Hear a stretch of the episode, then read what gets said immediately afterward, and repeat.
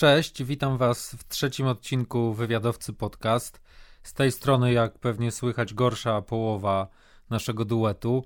Łukasz nie może dołączyć, bo nie możemy się spotykać, bo nie możemy zapraszać gości do naszego klimatycznego superstudia na Nowym Mieście w Warszawie e, i nagrywam w domu.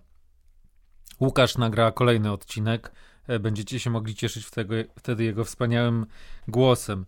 Tymczasem powstał pomysł na nowe otwarcie w naszym podcaście, to znaczy chcemy przypomnieć nasze wywiady sprzed lat.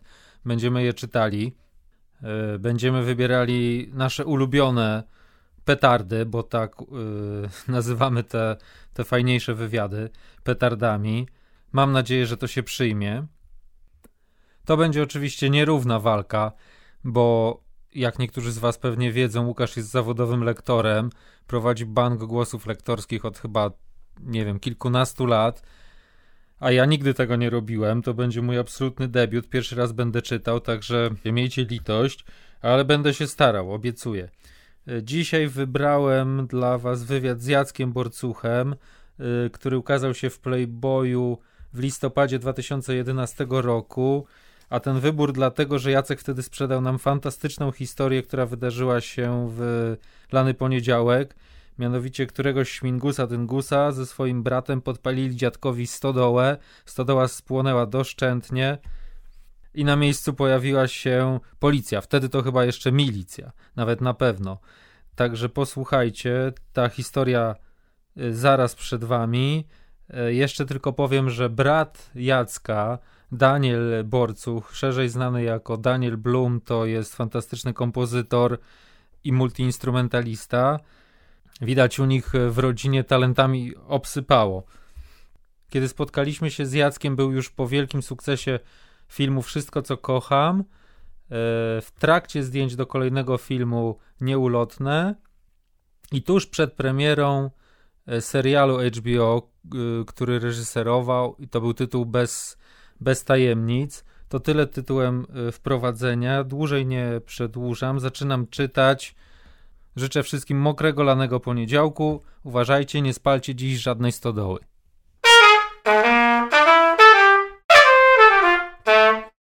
Wywiad z Jackiem Borcuchem, który ukazał się w Playboyu w listopadzie 2011 roku. Czy twój następny film też będzie dla nas? A który był dla was? Wszystkie. To fajnie, bo ja robię filmy dla siebie, zaspokajam swoją wyobraźnię. Jeżeli waszą również, to bardzo mi miło. Możemy się spokojnie umówić, że robię kino dla nas trzech. W nawiasie śmiech. Pytanie tylko, czy dalej będziemy mieli ochotę na to samo. Nie mamy wrażenia, że twoje filmy są takie same. Powiem wam, że po tulipanach chciałem zrobić coś zupełnie innego, ale się nie udało. Wszystko, co kocham, jest przepełnione melancholią. Teraz robię historię na wskroś współczesną i mam nadzieję, że tym razem tego uniknę no to nie gwarantujemy, że nam się spodoba. Tulipany to jest marzenie o tym, żeby życie było piękne do końca, żeby starość była wspaniała, bez chorób, bez niedołężności, z miłością w, w blasku słońca. Wszystko, co kocham, to skok w kulturową przeszłość. Ten film jest o tym, co się wydarzyło ze mną na koncercie Beastie Boys. Chłopaki zagrali w starym stylu, bardzo pankowo i zdałem sobie sprawę, że nie mam już nawet w domu muzyki, której słuchałem będąc nastolatkiem. A to przecież była wtedy dla mnie najważniejsza rzecz na świecie. Utraciłem gdzieś swoją przeszłość i dzięki Beastie Boys ją odzyskałem. Powróciły wspomnienia pierwszego wina, papierosa, pierwszego seksu. Zresztą po co o tym opowiadać? Filmy więcej o mnie mówią, niż jestem w stanie powiedzieć w jakimkolwiek wywiadzie. A co powie o tobie nowy film? Powie o tym, co dzieje się w moim życiu teraz. Jako czterdziestolatek postanowiłem wreszcie zmierzyć się z rzeczywistością. Część zdjęć kręcimy w Polsce, a część w Hiszpanii. Javier Bardem dostał scenariusz? To byłoby zbyt banalne, dlatego pomyślałem o jego bracie Carlosie, który jest mniej oczywisty i do tego bardzo ciekawy. W międzyczasie jednak udało się porozumieć z Angelą Moliną, która zgodziła się zagrać. Doszedłem do wniosku, że Molina i Bardem to trochę za dużo. Zatrudniłem więc innego, nieznanego hiszpańskiego aktora. I Andrzeja Chyrę. Za każdym razem mam plan, by go nie zatrudniać i zawsze wychodzi, jak widzicie – Zaczynam od epizodu dla Chyry, kończę na roli głównej. Tym razem zamieniłem matkę bohaterki na ojca. Pomyślałem, co się będę wygłupiał z jakąś matką, skoro jest Hyra. Śmiech. Kiedy zrezygnowałeś ze szkoły aktorskiej, na prawie pół roku wyjechałeś do Hiszpanii. Rozumiemy, że film nawiązuje do tamtych wydarzeń. Nie, to zupełnie inna historia. Tamta jest gotową opowieścią na oddzielny film. Julek Machulski, który ją zna, powiedział mi, że to jest gotowy kinowy hit. Faktycznie całość składa się w idealny scenariusz. Nawet nie trzeba by go ubarwiać, bo prawda jest barwna aż nadto. No to musisz nam opowiedzieć. Nie mogę, nie mam pewności, że wszystkie sprawy już się przedawniły. Śmiech. Kilka na pewno. No dobra, ale pamiętajcie, że miałem wtedy dwadzieścia parę lat, a to wiele wyjaśnia. Kiedy już z kumplem znaleźliśmy się w Hiszpanii, postanowiłem przedłużyć nam wizy z trzech miesięcy do sześciu. Wziąłem więc paszport i elegancko żyletką wydrapałem trójkę. Ale kiedy chciałem w to miejsce wpisać szóstkę, atrament z długopisu rozlał się w kleksa. O dziwo niezrażony niepowodzeniem, ten sam numer powtórzyłem z paszportem kumpla, który o niczym nie wiedział, bo w tym czasie spał. Kiedy się obudził, nie powiem, stracił nieco dobry humor, ale już po chwili obydwa paszporty kąpaliśmy w wannie. Byliśmy tak zachwyceni naszą pomysłowością, że jeszcze tego samego wieczora przepiliśmy wszystkie pieniądze. I tu zaczyna się opowieść, której już nie mogę wam sprzedać. Trudno, w takim razie sprzedaj nam chociaż informację, czy pierwsze randki spędzałeś nad Liwą. Liwa to rzeka przepływająca przez Kwidzyn, rodzinne miasto Jacka Burcucha. Ale pytanie. Chyba od czasów liceum nie wypowiedziałem słowa Liwa. Oczywiście, że randki, nie tylko randki, spędzało się nad rzeką. Liwa już od marca gościła nas w swoich ramionach. To były czasy, w których kto wcześniej wskakiwał do wody, ten gość. W lipcu kąpały się jakieś mięczaki. W marcu ściskało jajka jak cholera, ale się wchodziło. Ja prowadzałem się po mieście z łobuzerką, więc musiałem nadrabiać i udawać twardszego niż jestem. Piliśmy tanie wina i wydawało się to genialnym pomysłem na życie. Dużo miłych wspomnień. Powiem wam, że Liwą zjednaliście moje serce. Bardzo nam miło. W rewanżu postaraj się sobie przypomnieć swojego pierwszego playboya. To musiało być dopiero w liceum. Żyłem na wojskowym osiedlu, na którym prędzej można było znaleźć jakieś maski gazowe lub radiostacje niż playboya. Zresztą mój ojciec, poważny wojskowy, skutecznie odcinał mnie od kapitalistycznych, brzydkich rzeczy. Ale paradoksalnie pierwszego pornosa widziałem dzięki stryjowi. Całą młodość kręcił filmy na kamerze Super 8, miał też projektor. I to na nim oglądałem pierwsze wygibasy. Bez dźwięku, tylko z charakterystycznym terkotem w tle. Do dziś odgłos projektora miło mi się kojarzy. A płonąca stodoła z czym ci się kojarzy? Ale to było dużo wcześniej. Miałem prawie 13 lat, a brat 11. To akurat miało znaczenie, bo do poprawczaka szło się wtedy od 12 roku życia, czyli ja już się na paragrafy łapałem. Rzecz rozegrała się w Wielkanoc. Rozpaliliśmy z bratem w stodole dziadków malutkie ognisko, żeby potrenować przed śmigusem dyngusem i zgasić je plastikowymi pisankami do pryskania. Ugasiliśmy ogień, zamknęliśmy stodołę i poszliśmy na wzgórze strugać łuki i dzidy. Po pewnym czasie zobaczyliśmy pożar. Wpadłem do domu i krzyczę: Pali się! Na co dziadek? Ta, jasne, jasne, Jacuś, idźcie się pobawić. Nikt nam nie wierzył, a po pół godzinie nie było co gasić. Spaliliśmy dziadkom piękną po niemiecką drewnianą stodołę. Przyjechała milicja i zaczęło się dochodzenie. Rodzice przestraszyli się, że za podpalenie wyląduję w poprawczaku, dlatego wszystko zrzucili na brata, bo był młodszy i nic mu nie groziło. Daniel płakał, a ojciec tłumaczył. Powiesz panom, że byłeś tam sam, a Jacka nie widziałeś. Śmiech. Do dziś spłacam dług wobec brata. Jakie w tamtych czasach wieszałeś plakaty nad łóżkiem? Śmierci klinicznej, WC, UK Subs i Sex Pistols. A dezertera? Oni byli dla mnie trochę za komercyjni. Ich nagrania wychodziły na winylach, pełna komercha. Śmiech. Grali za bardzo na zachodnią modłę. Wolałem WC, które wtedy płyt nie wydawało. Twoje zespoły wydawały? Nagrania zbitych pisuarów i innych grup gdzieś tam się walają na strychu moich rodziców. Dopiero Replay, projekt punkowo-rage'owy, wydał całą w miarę profesjonalną kasetę w 1984 roku w wydawnictwie OTK. Mieliście grupis? Raczej chcieliśmy mieć. Uchodziliśmy wtedy za dziwaków i nie budziliśmy zaufania. Koledzy, którzy wyglądali normalnie i nie zajmowali się muzyką, mieli większe powodzenie. A ty marzyłeś o romansie ze starszą sąsiadką. I nie byłem w tym odosobniony. Tak jak we wszystko, co kocham, sąsiadka wyglądała na odpowiednią nauczycielkę w tych kwestiach. Fajnie kręciła pupą, pachniała, zaczepiała nas i łapała słońce w kostiumie kąpielowym. w rzeczywistości była raczej podobna do Kate Jackson z Aniołków Charlie'ego niż do Katarzyny Herman, która grają w filmie. Myślę, że moja sąsiadka zrobiłaby furorę na rozkładówce Playboya. Ale lepiej zakończmy ten miły wątek. Niedawno mama mi przypomniała, że ta pani wciąż nazywa się Sokołowska. Społeczność kwidzyńska zareagowała jakoś na film? Akcja Wszystko co kocham toczy się przecież na wybrzeżu, a nie w moim rodzinnym mieście. W Kwidzynie doszło chyba tylko do jednej spektakularnej reakcji. Pijany sąsiad zaczepił moją mamę słowami. I co, kurwa, syneczek o was filmiki robi, bohaterowie, rewolucjoniści, spierdalaj mi. I splunął przez ogrodzenie. Mama się załamała. Gość potem próbował przepraszać, robił podjazdy z kwiatami, ale sytuacja chyba się nie wyprostowała. A film podobał się rodzicom? Po scenie, kiedy umiera babcia, ojciec miał łzy w oczach, więc chyba tak. Niektórzy po premierze zarzucali ci, że byłeś landrynkowym pankowcem. Krytyka dotyczyła głównie wyglądu głównych bohaterów, bo niby prawdziwi punkowcy tak nie wyglądali. Tymczasem my nie nosiliśmy pieszczoch, nie przykuwaliśmy uszu w dziesięciu miejscach, nie mieliśmy irokezów i nie robiliśmy sobie sznyt. Takie insygnia były być może normą u pankowców z większych miast. W Kwidzynie takie rzeczy kojarzyły się z narkomanami i zwyczajnym menelstwem. My byliśmy poczochrani, zakładaliśmy stare garniturowe spodnie po ojcach, trampki, koszule i marynary. Jak na subkulturowe zachowanie reagował ojciec wojskowy? Pierwszy raz coś w nim drgnęło, kiedy zobaczył dokument o Jarocinie. Usłyszał z telewizora, że chuligani zdemolowali kolejny sklep z alkoholem i że agresja młodych ludzi godzi w polski socjalizm.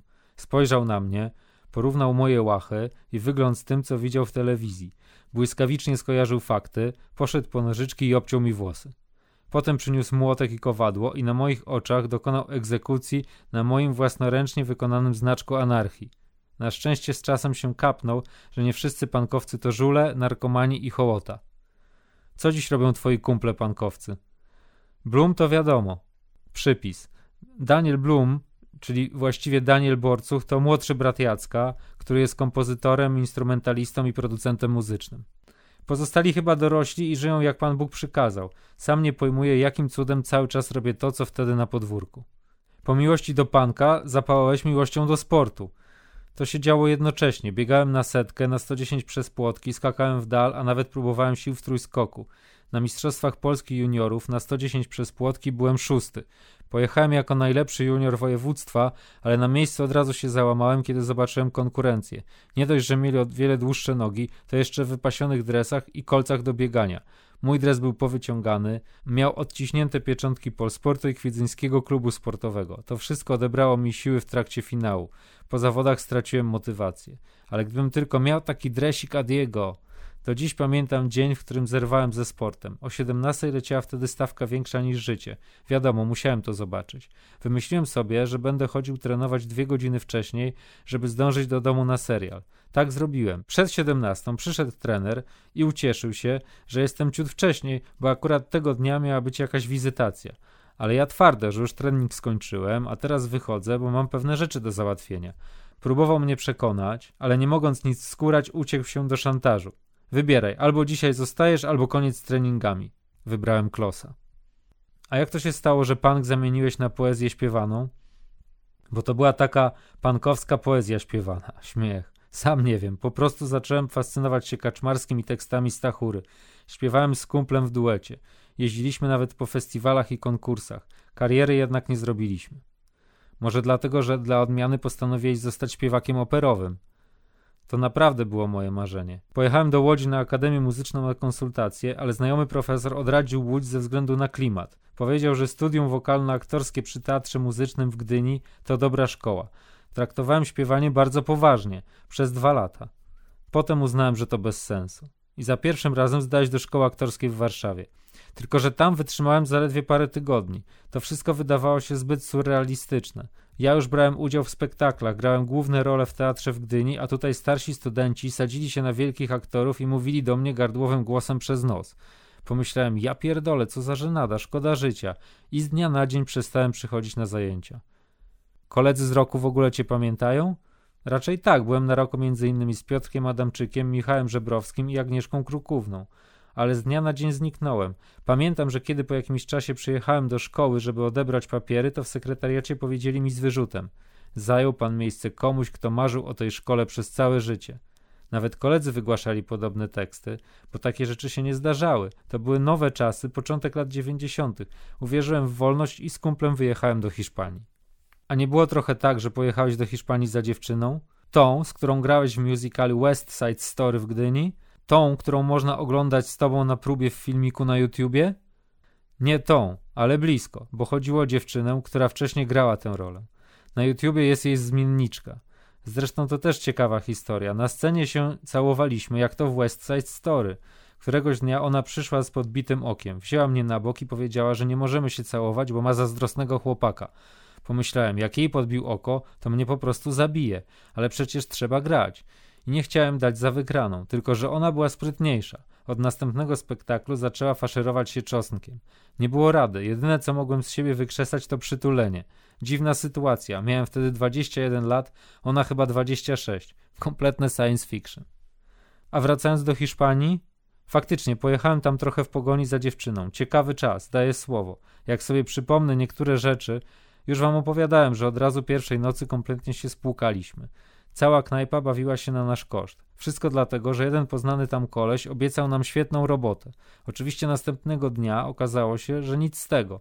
I tak skończyliśmy bez grosza. Ażby było ciekawiej, że działa się na Majorce. Nawet gdyby chcieć wracać do domu na piechotę, to nie da rady. Trzeba było skołować kasę choćby na prom. Oczywiście musieliśmy szukać pracy. Zatrudniłem się jako naganiacz do knajp. Miałem zwabiać angielskich turystów, ale ci nie chcieli nawet ze mną gadać.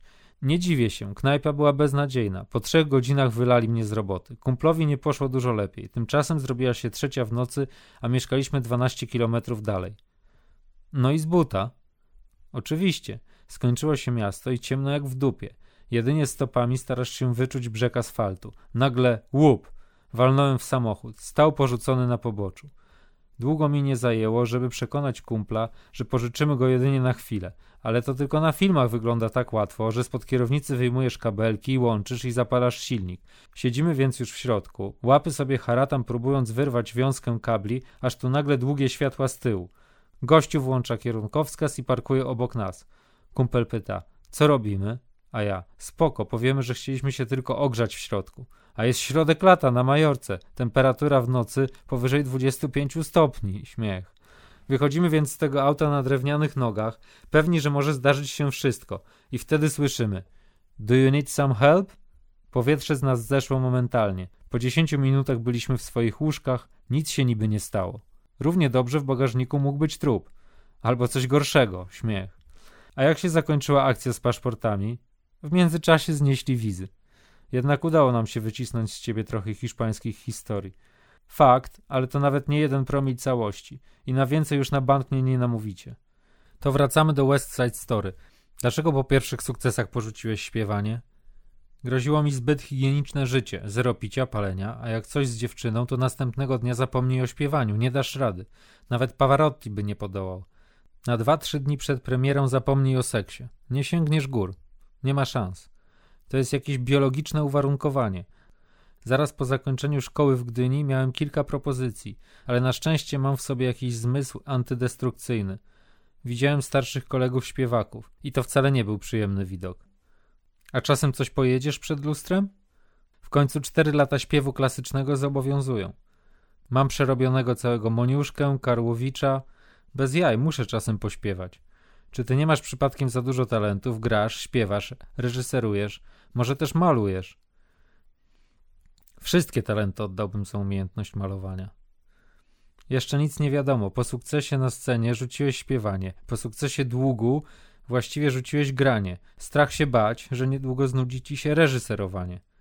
Malarstwem się nie zajmę, to mogę wam zagwarantować. Grozi mi jedynie, że będę więcej pisał niż reżyserował. Pisanie jest najbliższe prawdziwych emocji, tego co naprawdę przeżywasz. Potem przekładanie tego na scenariusz obcina potencjał o jakieś kilkadziesiąt procent. Wreszcie kręcenie filmu na podstawie scenariusza to kolejny spadek energii. Jeśli udaje się zachować 60-50% tego pierwotnego potencjału, to już można mówić o sukcesie. To ile procent emocji udało się utrzymać pomiędzy inspiracją koncertem Beastie Boys a premierą Wszystko co kocham? Mam wrażenie, że nieco ponad 50. Dlatego tak bardzo jestem z tego filmu zadowolony. Chociaż chciałem, żeby był bardziej bezwstydny. Nie starczyło mi chyba do końca siły, czegoś nie dopatrzyłem i rezultat jest jaki jest. Sceny miłosne są udane, ale w mojej głowie były o wiele bardziej niegrzeczne. Na przykład? Nie chodzi o konkrety, to akcenty, drobiazgi, a to jest przecież najważniejsze. Wszystko, co kocham, miał chyba większy sukces na świecie niż w Polsce. Został sprzedany do kilkudziesięciu krajów w Europie, Azji, Ameryce Południowej. We Francji film trafił do kin w kilkudziesięciu kopiach. Niedługo wchodzi do kin amerykańskich i brytyjskich. Z Wszystko co kocham zjeździłem pół świata, a w Korei Południowej na festiwalu filmowym w Busan poczułem się jak menedżer gwiazdy rocka. Nasz film był wyświetlany w letnim kinie nad oceanem dla dwutysięcznej publiczności. Jak się skończył, to się rozległ ryk. Musieliśmy z Mateuszem Kościukiewiczem chować się w samochodzie. Limuzyna wiozła nas wolno przez tłum. Fanki bujały samochodem, waliły w szyby i darły się do Mateusza filmowym imieniem. Janek! Janek! W filmowym kurorcie narciarskim Sundance też was rozpoznawali? W Stanach panuje kult gwiazdy filmowej jak się okazuje, dotyczy to także twórców kina niezależnego. Po kilku pokazach festiwalowych, jak szliśmy ulicą, to fani wołali naszych aktorów ich prawdziwymi imionami. Mateusz, you are gorgeous, Olga, we love you i tak dalej. To było niesamowite. Nie do uwierzenia. No właśnie, w ogóle z Sundance wywieźliśmy same dobre wspomnienia. Mieliśmy oczywiście opłacony hotel, ale pewien polski milioner zaprosił całą ekipę do swojej willi na stoku. Wychodziłeś tylnymi drzwiami, wpinałeś narty i byłeś na trasie, a potem wciągałeś się wyciągiem, zjeżdżałeś prosto do domu, zdejmowałeś ciuchy i hop do jacuzzi w śniegu. Dla mnie, czterdziestoletniego faceta, było to zadziwiające. A co dopiero dla tych dzieciaków po dwadzieścia parę lat, którzy zrobili pierwszy film. Hollywood cię nie wciągnęło? Po Sundance pojawiły się propozycje z telewizji Fox, ale pomyślałem sobie, że przecież nie zostawię swojej córeczki, nie wyemigruję, nie będę udawał, że robię wielką karierę, a tak naprawdę będę pracował dla telewizji. Wolę robić autorskie kino w Europie. Chociaż lunch z Robertem Redfordem i Billem Gatesem wspominam miło. Czyli Sundance otworzyło wiele drzwi. Dużo łatwiej udało się zebrać pieniądze na kolejny film. Kiedyś na pytanie, jak się pracowało w na dobre i na złe, odpowiedziałeś, tak samo jak w kopalni 50 metrów pod ziemią. Oczywiście trochę przesadziłem, nie doceniając pracy górników. Powinienem ich przeprosić. To było zaraz po długu. Żyć z czegoś trzeba, a zrobienia filmów się nie dało. Tymczasem w serialu pieniądze dawali za nic. Przyjdź, powiedz parę kwestii do kamery. W związku z tym parę takich rzeczy zrobiłem. Wtedy też dopiero przekonałem się, co to znaczy popularność. Dzieci szarpały w sklepach mamy za spódnicę, mówiąc: Patrz, mamo, to ten pedał zna dobre i na złe. Pamiętajcie też, że to były dopiero początki seriali w Polsce. Nikt się jeszcze nie spodziewał, że to będzie aż taka kaszana. A tymczasem niedawno sam skończyłeś reżyserować serial bez tajemnic dla polskiego HBO.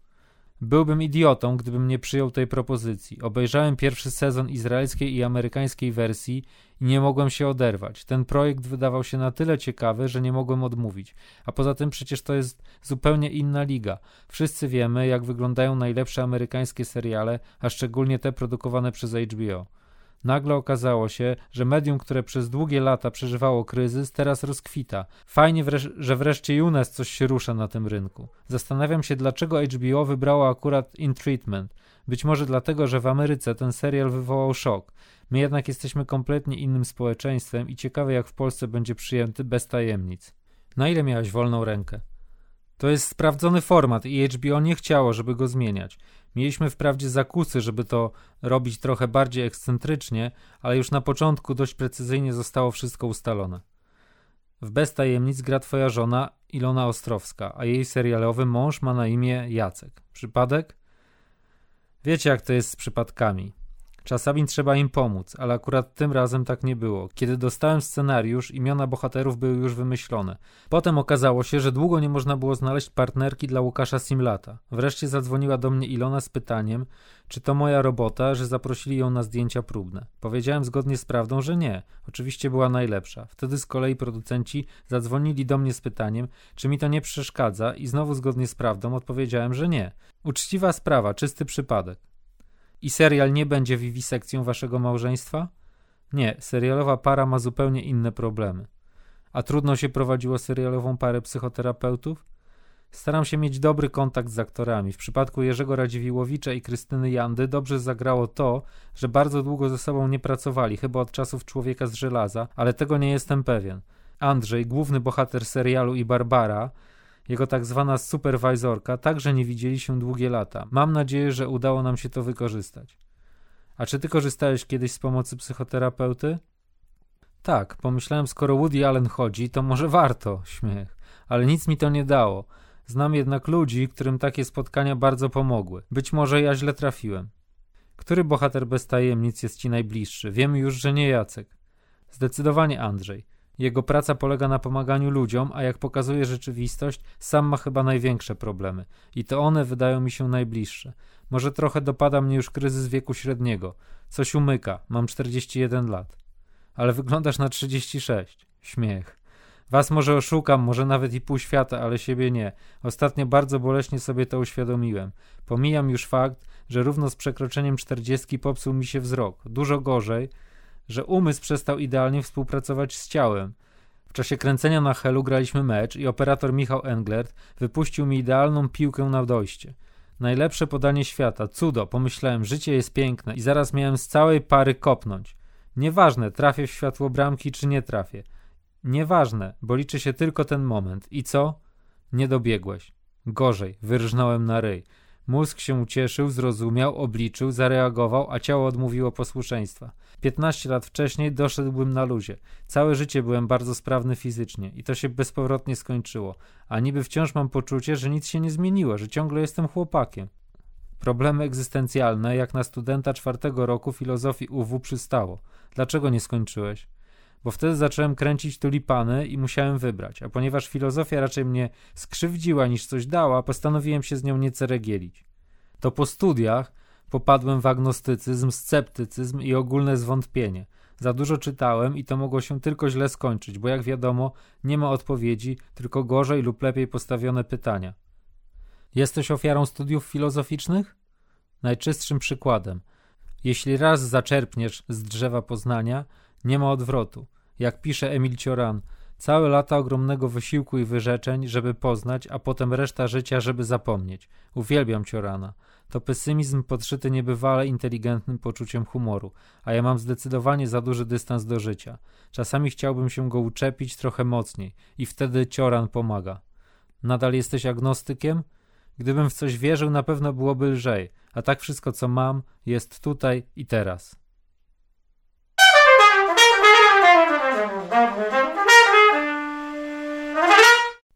No, pierwsze śliwki robaczywki. Jakoś poszło. Następny czyta Łukasz, więc będzie total wypas. A później znowu ja, czyli zejście trochę niżej, ale będę się starał równać. Do kogo równać, jak nie do najlepszych.